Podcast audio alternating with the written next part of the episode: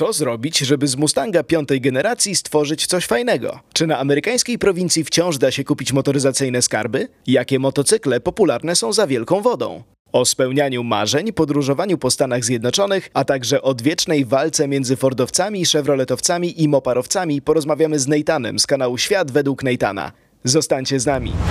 Cześć, tu Piotr i Tomek. a to jest Na Wolnych Obrotach. Podcast o klasycznej motoryzacji i stylu życia. Na Wolnych Obrotach. Zaprasza Gang Garage. W naszym warsztatowym studio Gang Garage w podcaście Na Wolnych Obrotach gościmy Neytana, czyli autora kanału Świat według Neytana. Siema, siema. To będzie klisza trochę, ale no, musimy od czegoś zacząć, więc pytam cię, jak to jest w tych Stanach? 10 lat spędziłeś w Stanach, jak to jest? Jak to jest? Ciężko. Jest ciężko, jest pracowicie, nie ma nic za darmo, ale też powiedziałbym, że człowiek czuje za co pracuje, czuje się wynagrodzony za to i przynajmniej do czasów covidowych naprawdę fajnie to wyglądało pod względem tego, jak się za- zarabiało, jak się wydawało pieniądze, a przez to właśnie poziom życia był całkiem fajny, całkiem przyjemny. W swoich kanałach social mediowych informujesz o różnych swoich wyprawach, o życiu codziennym. E, czym się w ogóle zajmowałeś, zajmujesz? E, czy wtedy w okresie w Stanach Zjednoczonych, czy przez cały czas? Okres Stanów Zjednoczonych to była praktycznie historia nie różniąca się od kilku milionów innych historii takich e- zwykłych emigrantów, gdzie zaczynałem od najprostszych prac e, typu budowa, kelner, barman, pracowałem i na dachach i trochę w IT pracowałem i nawet anteny telekomunikacyjne w sieciach komórkowych wymieniałem na dachach czy słupach. Tak więc no imałem się wszystkich prac, no a suma summarum to po prostu kończyłem tam, gdzie najwięcej zarabiałem, bo taki był mój cel, żeby jak najwięcej zarabiać. Chyba każdego z nas. E, No dobrze, a powiedz mi, bo dzisiaj dałeś się pokazać jako wytrawny mechanik, e, więc skąd to się wzięło? Bardzo wytrawny. Znaczy, to się wzięło z tego, że po pierwsze potrzebowałem samochód do dojazdów do pracy. E, tylko i wyłącznie, ponieważ miałem taką pracę, gdzie musiałem po nawet po 150 km dziennie w jedną stronę dojeżdżać. No i podczas tych moich polowań doszedłem do wniosku, że no, nie wytrzymam, jak po prostu nie kupię sobie samochodu moich marzeń, którym był Ford Mustang. Niestety na tamte czasy, znaczy stety albo niestety, ja już bym tutaj zależy. Na tamte czasy stało, było mnie stać tylko na V6 albo na EcoBoosta i to jeszcze używanego. No i summa summarum wybrałem tą V6, no z racji tego, że ten silnik jednak brzmi, no i miałem jakieś tam większe plany na przyszłość, że możliwe, że coś tam więcej w nim poskrobię. No i ja kupiłem tą V6 z czasem właśnie miesiąc, już nawet po pierwszym miesiącu już miałem cały plan, przeczytałem wszystkie fora internetowe, co ja w tym samochodzie mogę zmienić, żeby on lepiej jeździł, szybciej jeździł, żeby się, przyje- żeby się przyjemnie jeździło. No i tak to się zaczęło właściwie. I tak z miesiąca na miesiąc sobie kupowałem jakieś części, wymieniałem pod okiem mojego kolegi, na przykład Wojtka, który jest mechanikiem, on mi też użyczał z swojego warsztatu. No i tak 4 lata minęły i coś tam na temat tego samochodu wydaje mi się, że wiem, coś tam kilka razy kluczem tam w nim skrobnąłem. Czy poza dojazdami do pracy samochód służył ci do podróżowania po Stanach? Tak.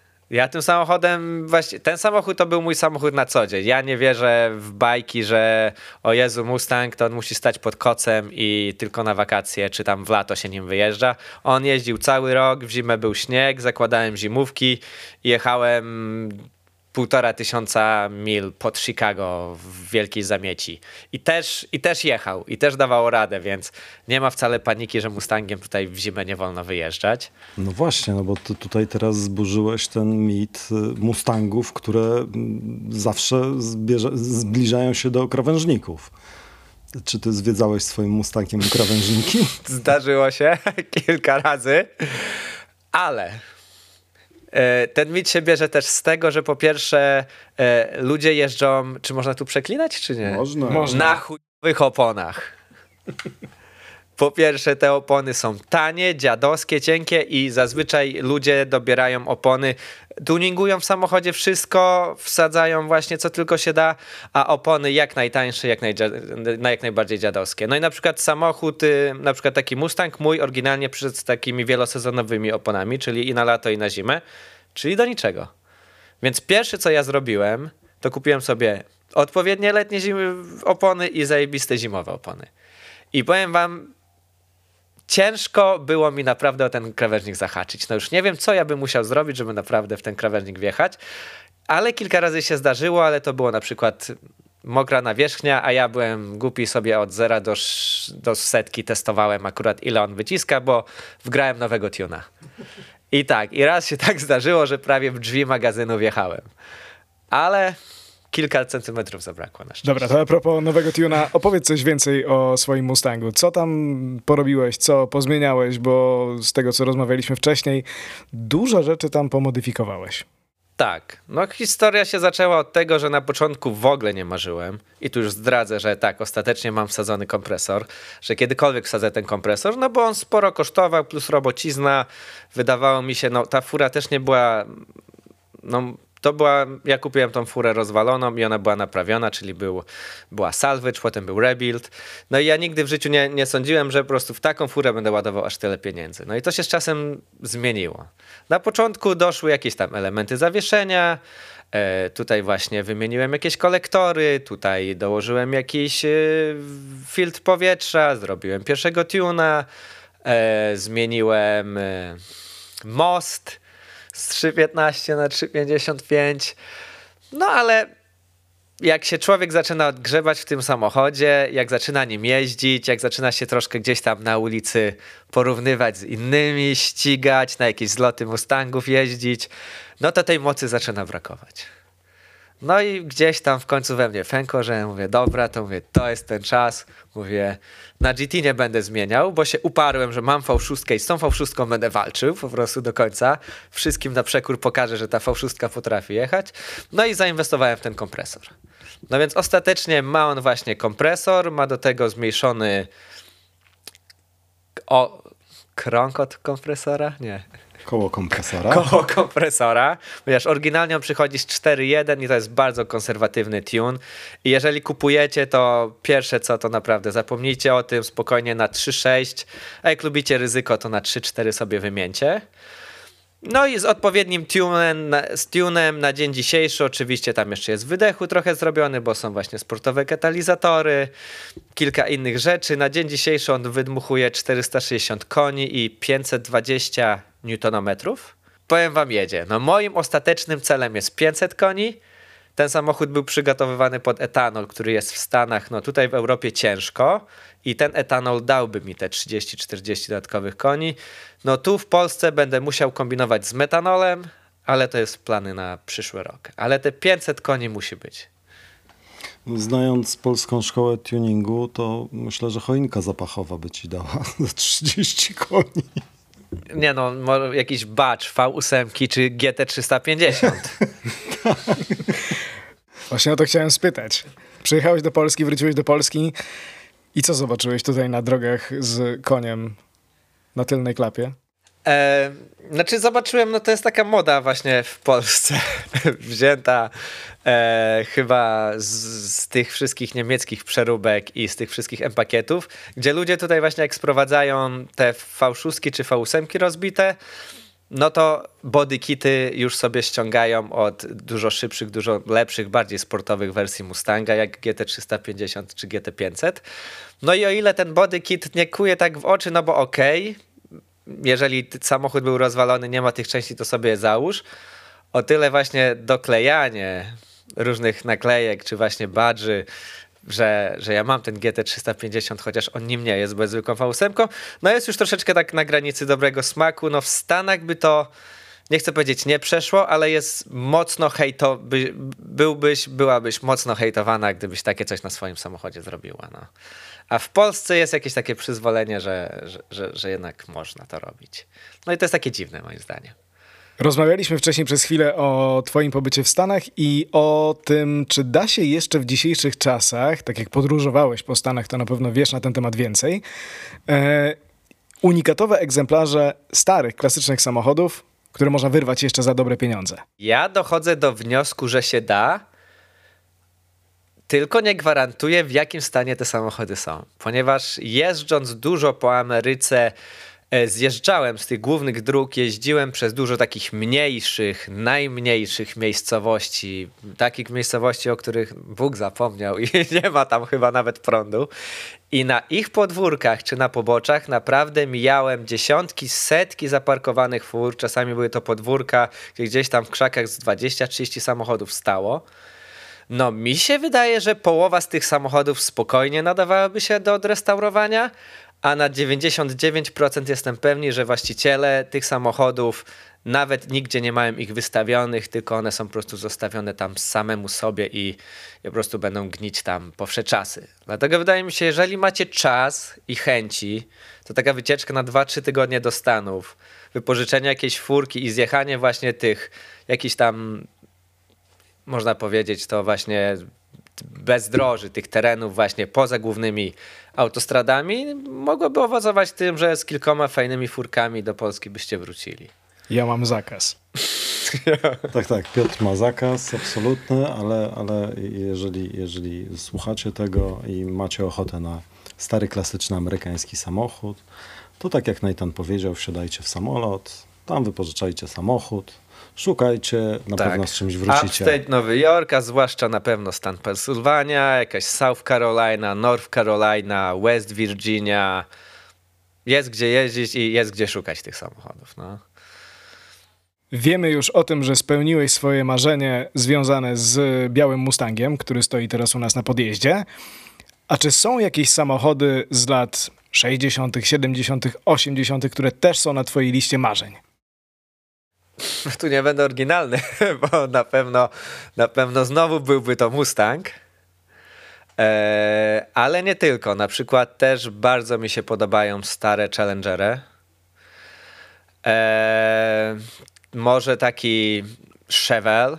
Wydaje mi się, że no, to jest piękne w amerykańskiej motoryzacji, że jaki byście samochód nie pokazali mi z, z lat 65-75, e, zwłaszcza z tych ponikarów, to właściwie każdy bym chciał i każdy mógłbym jeździć, bo one wszystkie były zajebiste moim zdaniem. Nathan, czy ty robiłeś prawo jazdy w Polsce czy w Stanach? W Polsce miałem na samochód, w Stanach musiałem sobie zdać na nowo na samochód i dodatkowo sobie zrobiłem na motocykl.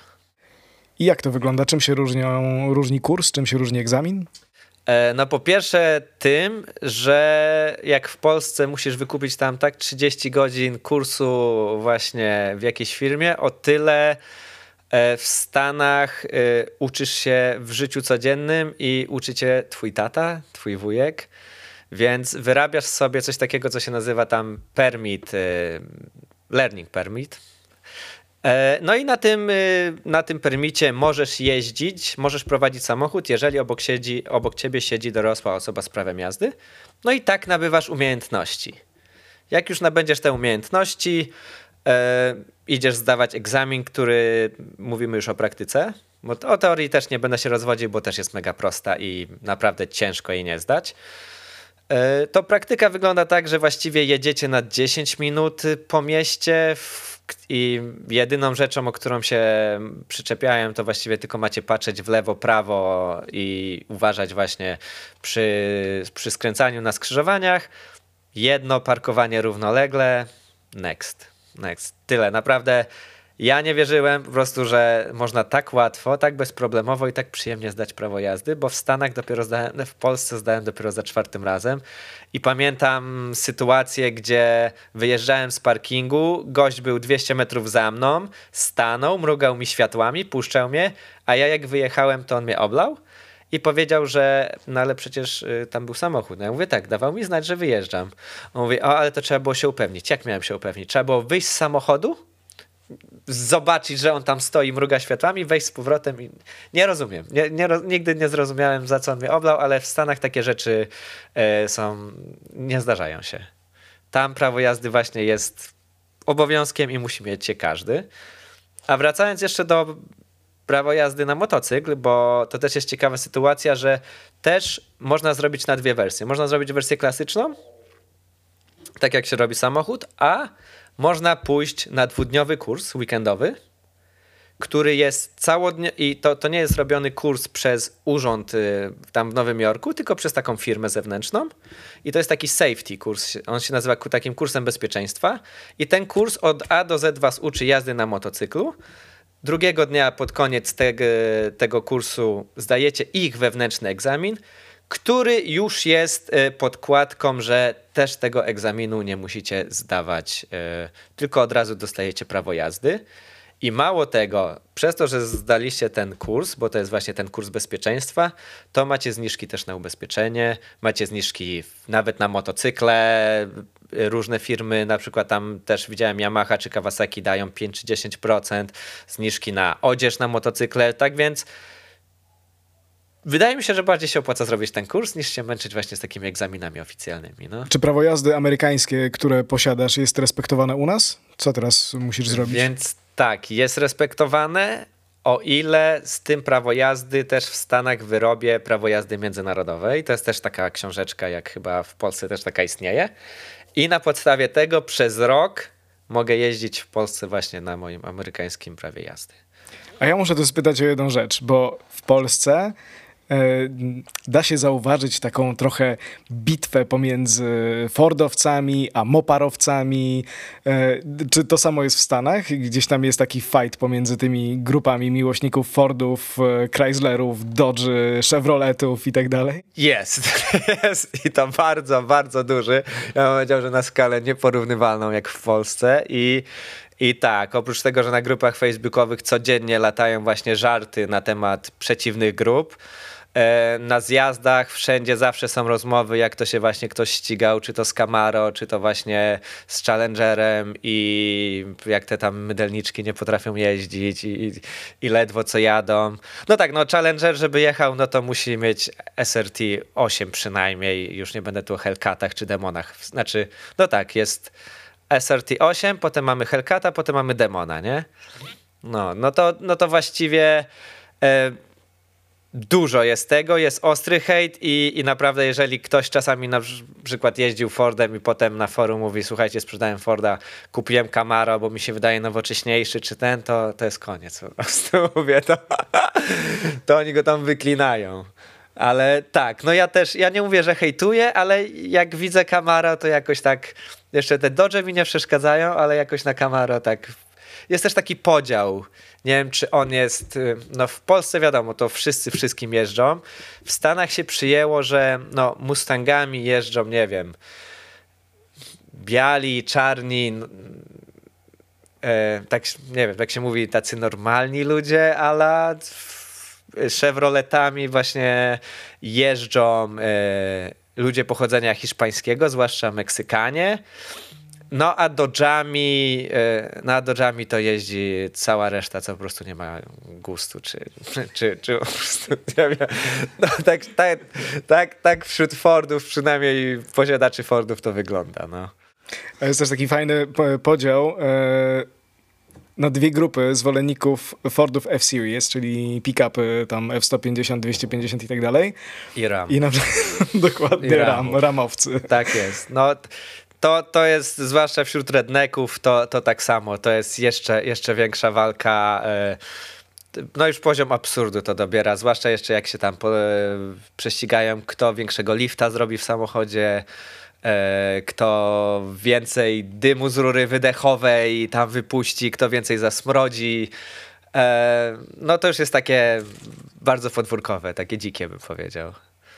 No bo chyba pick-upy ogólnie są dzikie. No ogólnie właściciele pick-upów tak. W Stanach, w Stanach, w Stanach, Stanach tak. należą do tej dzikszej części społeczeństwa, no. Czy planujesz w jakiejś przyszłości e, samochód klasyczny? Czy zbudować samemu? Czy mm, kupić zrobiony? Właśnie jak byś miał, to co byś wybrał? Jaką drogę byś wybrał? No powiem ci, ciężkie pytanie, ponieważ... E no, wszystko zależy od czasu i pieniędzy. Na razie nie mam ani jednego, ani drugiego. Ale tak jakbym miał kiedyś w przyszłości jakiś domek z garażem, no to no nie wyobrażam sobie, żeby tam nie stał właśnie jakiś samochód, przy którym bym nie skrobał dzień i noc. E, czy kupno gotowca wchodzi w grę? Oczywiście, od jakiejś takiej może renomowanej jakiejś ekipy, na przykład was. I to chciałem usłyszeć. ale, ale wydaje mi się, że Project Car y, powinien u każdej osoby stać i po to powinna być taka ucieczka właśnie w weekend, gdzie spędzamy kilka godzin i sobie coś tam w nim skrobiemy. Może nigdy nie dojdziemy do efektu końcowego, może będziemy skrować całe życie, ale droga też się liczy. Ale to właśnie chyba jest y, takie bardzo znane w Stanach, tak? Te projekty ojciec-syn, y, Tak które jest. trwają latami. Ojciec dawno umrze, syn zostanie. y, Jak sobie samochód. pojedziecie nawet nie, niedaleko, wystarczy od Nowego Jorku w bok pojechać na tak zwane Long Island, to przed każdym domem stoją dwa, trzy samochody właśnie tata, mama, syn, córka, plus czwarty zazwyczaj zakryty, który jest właśnie Project Carem albo już gotowym samochodem właśnie na weekendy i jest to jakiś właśnie jakiś oldtimer czy jakiś właśnie taki stary, klasyczny samochód, więc tego jest bardzo dużo. No, fajnie, właśnie to jest, mi się to zawsze podobało, bo w Polsce nie ma, nie ma czegoś takiego jak wspólne projekty rodzinne. U nas to jest na zasadzie, m, że tata naprawia pasata, syn świeci latarką i Tak, stary tekst, i- i- komu świecisz? Milczy sobie. Milczy sobie, dokładnie, ale tak to, tak to niestety w Polsce wygląda. Myślę, że to no jeszcze dużo czasu upłynie, zanim to się zmieni, no bo też... O, no, żeby tego czasu nam nie zabrakło, jak Unia Europejska wprowadzi swoje różne cudaczne prawa, które ma wprowadzić i wyjdzie na to, że niczym nie będzie można jeździć. No, na naszym polu też myślę, że to wynika z tego, że y, motoryzacyjnie nie za bardzo mamy czym się pochwalić jako Polska. E, W Stanach jest zupełnie inaczej, bo motoryzacja zawsze była kultowa, jest to największy rynek motoryzacyjny. Ale chciałem spytać o to, czy Twoim zdaniem to, o czym powiedziałeś, czyli że na prawie każdym podjeździe na przedmieściach stoi jakiś project car, jakiś samochód klasyczny, gotowy lub w trakcie, czy to wynika z tego, że jest po prostu taka moda, czy to wynika z tego, że jest to jakieś ratowanie spuścizny? Wiesz coś na ten No, temat? wydaje mi się, że tak jak mamy w Ameryce kulturę broni, która nam, Polakom i Europejczykom totalnie jest obca i nie, nie, jest, nie jesteśmy w stanie tego objąć, że tak, że w Ameryce w co drugim domu ta broń jest, ludzie tą broń przy sobie noszą, a mimo to nie zabijają się nawzajem codziennie, no to tak samo jest właśnie kultura samochodów, y, która jest dużo głębsza niż, niż u nas. I E, No i ja się nie dziwię, no kiedy u nas jeździły syrenki, no to tam jeździły właśnie kilkulitrowe samochody, więc e, no to się skądś wzięło, tak. Więc wydaje mi się, że to jest takie wielopokoleniowe i to będzie przechodzić i, i, i to jest świetne, też świetna rzecz na spędzanie razem czasu, uczenie właśnie następnego pokolenia takich prostych rzeczy, które teraz zatracamy, tak, no bo nie oszukujmy się, mało kto teraz potrafi cokolwiek w samochodzie wymienić, od razu się lata do mechanika, e, więc taka z... poradność życiowa. No właśnie wydaje mi się, że w Stanach to też o to chodzi. No, jakby chyba większość z nas widziała zdjęcia, e, nie wiem, taty, amerykańskiego taty z lat 60. stojącego przy swoim, nie Mus- wiem, Mustangu choćby. no już skorzysta z... Tak, tak, tak. A potem E, A potem mamy zdjęcie sprzed kilku lat, gdzie syn stoi i Tak jest. jeszcze ze swoim synem przy, przy tym samym. tym samym Mustangu. Dokładnie. I to jest, to jest świetne, to jest świetne, ale to jest coś, czego ja w życiu nie widziałem w polskich realiach, bo chyba to jest to, co mówisz. No, u nas były syrenki. No, kto by chciał się dzisiaj sfotografować z syrenką? Znaczy też musimy pamiętać o tym, że Stany są innym światem niż w Polsce i o ile u nas te samochody były takim trochę luksusem i też nie zawsze są potrzebne, jak się żyje w mieście, o tyle w Stanach no ten samochód musi być, tak? Ludzie w miastach to jest tam kilkanaście procent, a reszta ludzi mieszka na przedmieściach, w innych miastach dojeżdżają do pracy, do szkoły, tam dzieciak ma 16 lat, już musi mieć prawo jazdy, bo jedzie do liceum 15 czy 20 czy 30 kilometrów. Więc tam są inne odległości, o których nam się ciężko wyobrazić, że, że trzeba czasami do pracy dwie godziny nawet dojeżdżać, czy dwie i pół, bo ja też nawet tyle dojeżdżałem. E, więc no są inne realia. No, ten samochód jest od najmłodszych lat po prostu. No, nie, nie jest możliwe, żeby rodzina żyła bez samochodu. Jakie są Twoje plany na przyszłość? Chcesz wrócić do Stanów, czy zostajesz u nas? Eee, do Stanów to ja nie mogę wrócić. I to było zamierzone, więc przez najbliższe 10 lat będę podróżował po reszcie świata. E, wakacje zawsze zamierzam praktycznie spędzać w Polsce.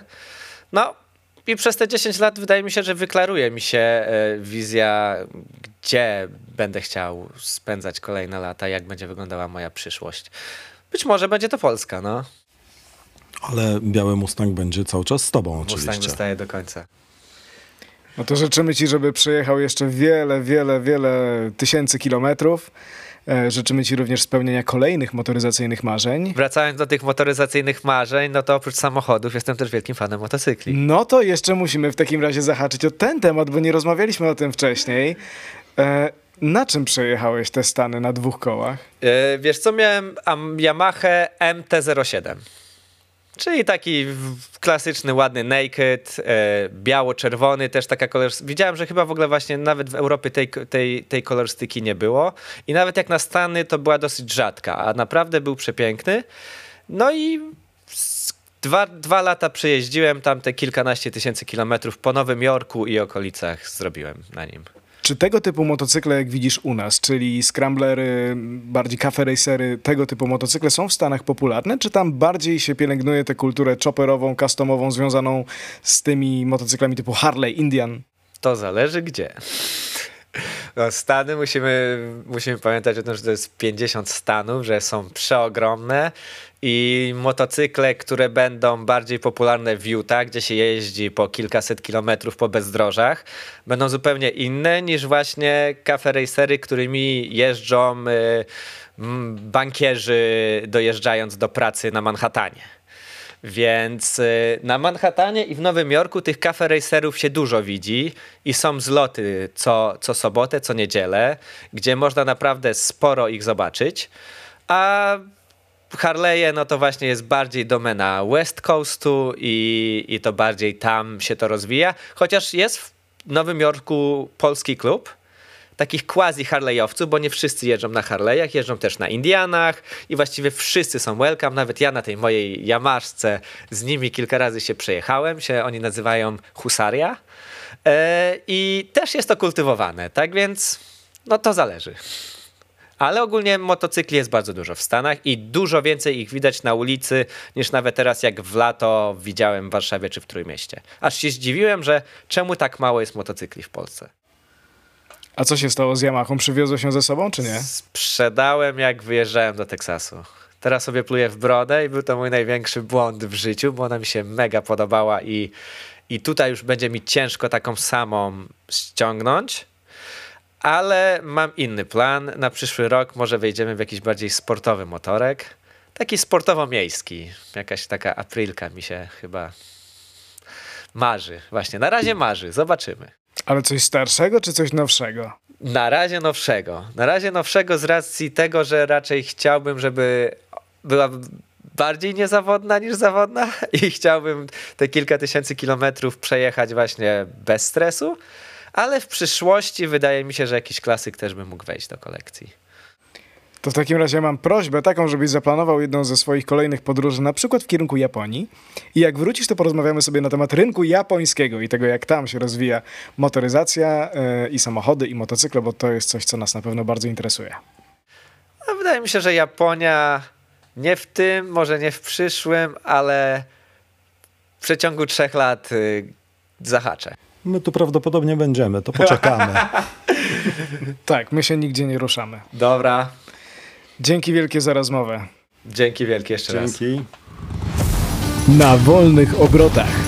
Zaprasza Gang Garage.